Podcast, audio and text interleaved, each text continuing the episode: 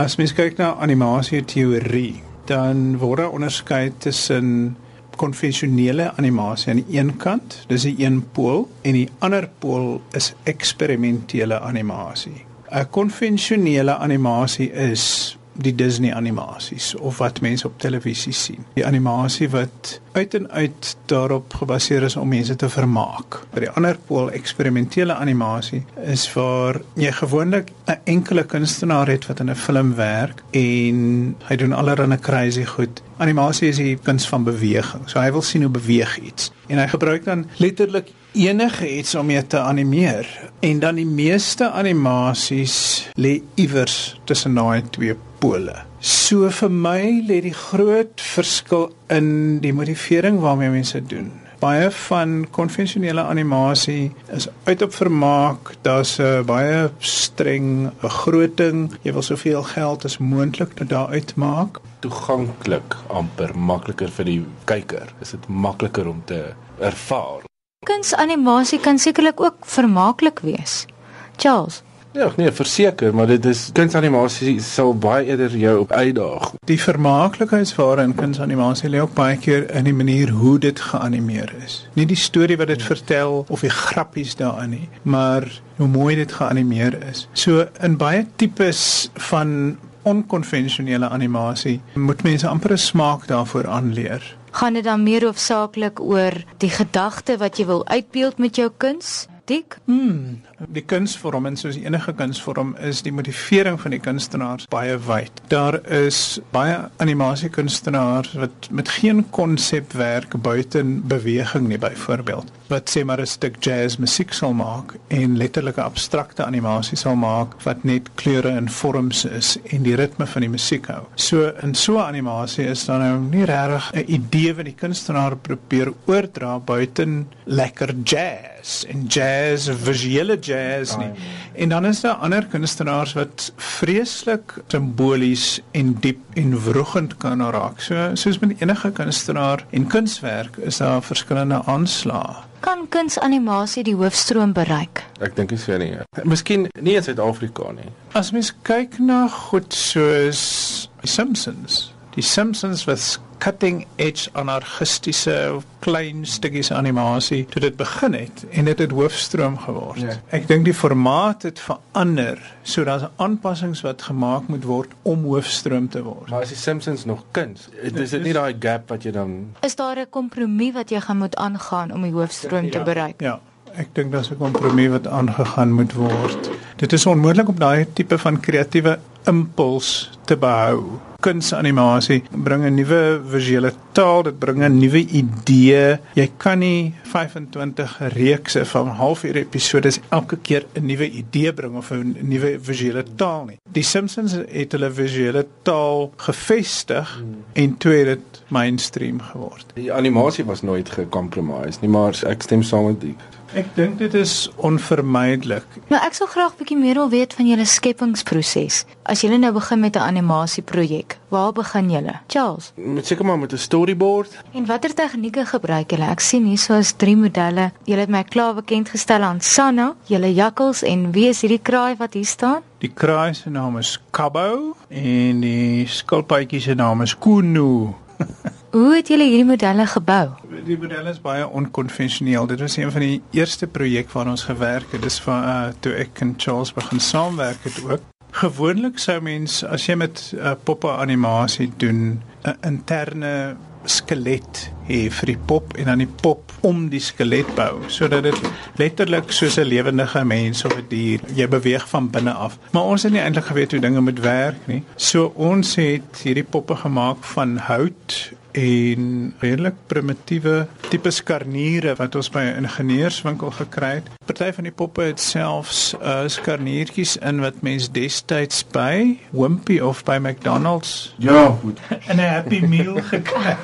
Ek sê, wat het jy hier? Dit lyk soos 'n Dis 'n armature. Dis 'n interne skelet. Dis 'n soos 'n skelet. Hy's nou nog besig om gebou te word, maar hierdie is basies hoe al die groot mense wat stop aksie animasie doen. So ek sien dit bestaan uit 'n klomp verskillende skaniertjies. Ja, en jy kan die goed kan jy artikuleer en dan sal hy nou sy vorm hou en dan kan jy hom nou in enige pose sit en dan kan jy nou hom laat loop of spring of Hierdie die die joints wat ons gebruik het of Dis nou die kraai. ja, Kyk net hierdie pote.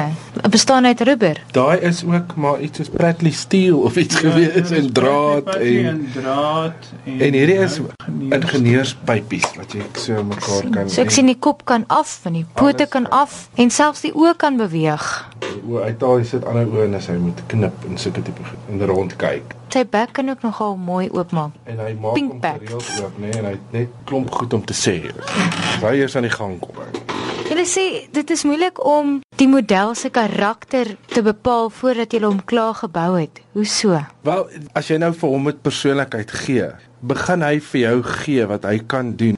Ek was in Engeland vir so 'n kort rukkie en ek het bietjie met Gromit gespeel daar in Bristol. En hoe sterk sy persoonlikheid was dat ek nie hom ander goed kon laat doen as wat hy doen. In sy persoonlikheid het uitkom en hy het my amper oorgeneem en ek het hom laat doen wat hy wou. En tog kom daar seker 'n bietjie van mense eie karakter in 'n model tevore as jy hom gebou het. Nee, verseker.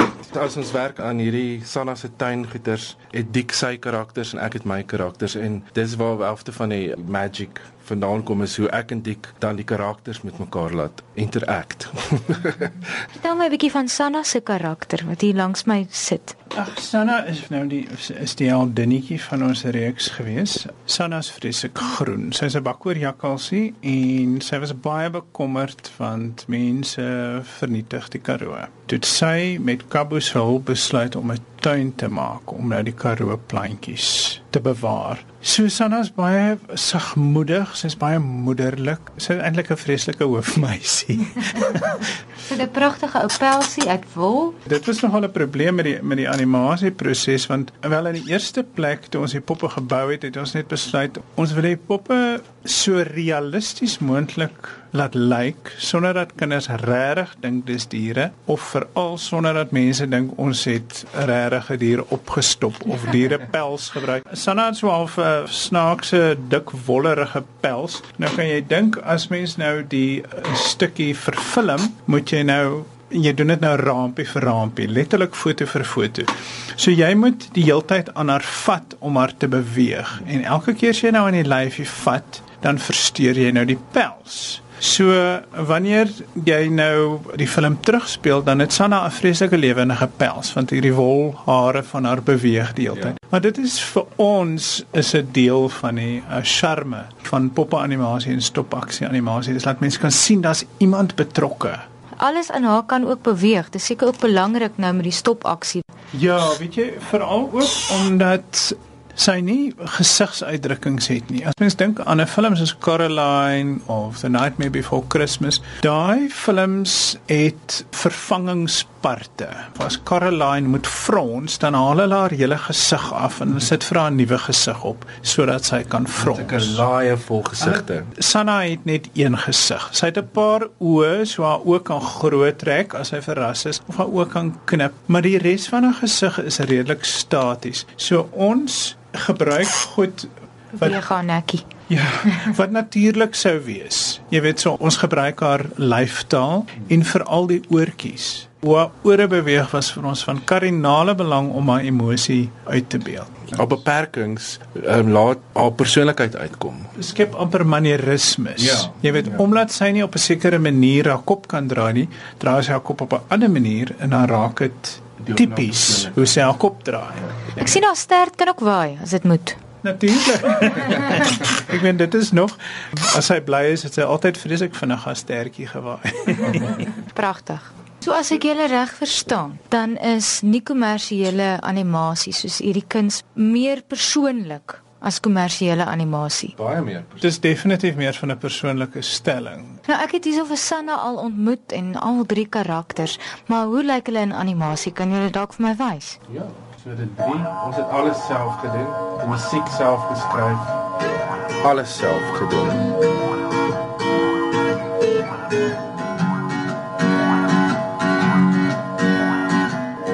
Het julle te werk gaan om daai klippies en hout te laat beweeg? Elke rampie dan skuif jy hom maar, dan neem jy 'n foto, dan skuif jy hom, neem jy 'n foto, dit is 'n langdradige proses.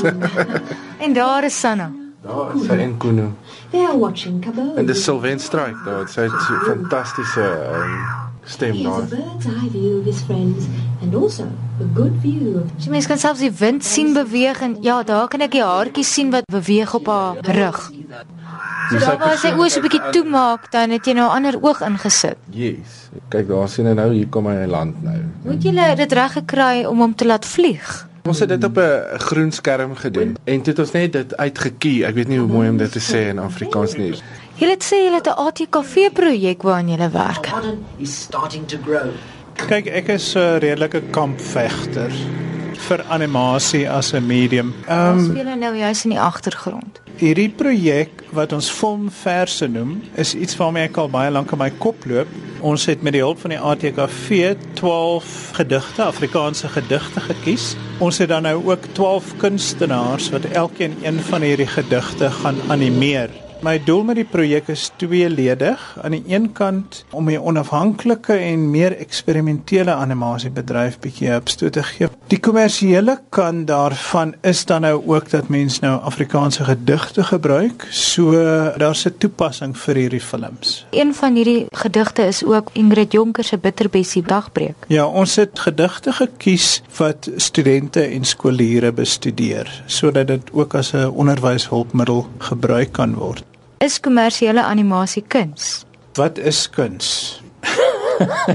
Daar's baie nie kommersiële animasie wat vir my baie lelik is en ek is nie as kuns beskou nie. Ek dink jy kan 'n fabelagtige kommersiële produk maak soos 'n film soos The Nightmare Charles. Before Christmas wat ek as 'n meesterstuk beskou, maar dit is 'n kommersiële animasie. Ek aan die laerskool van die kommersiële ding.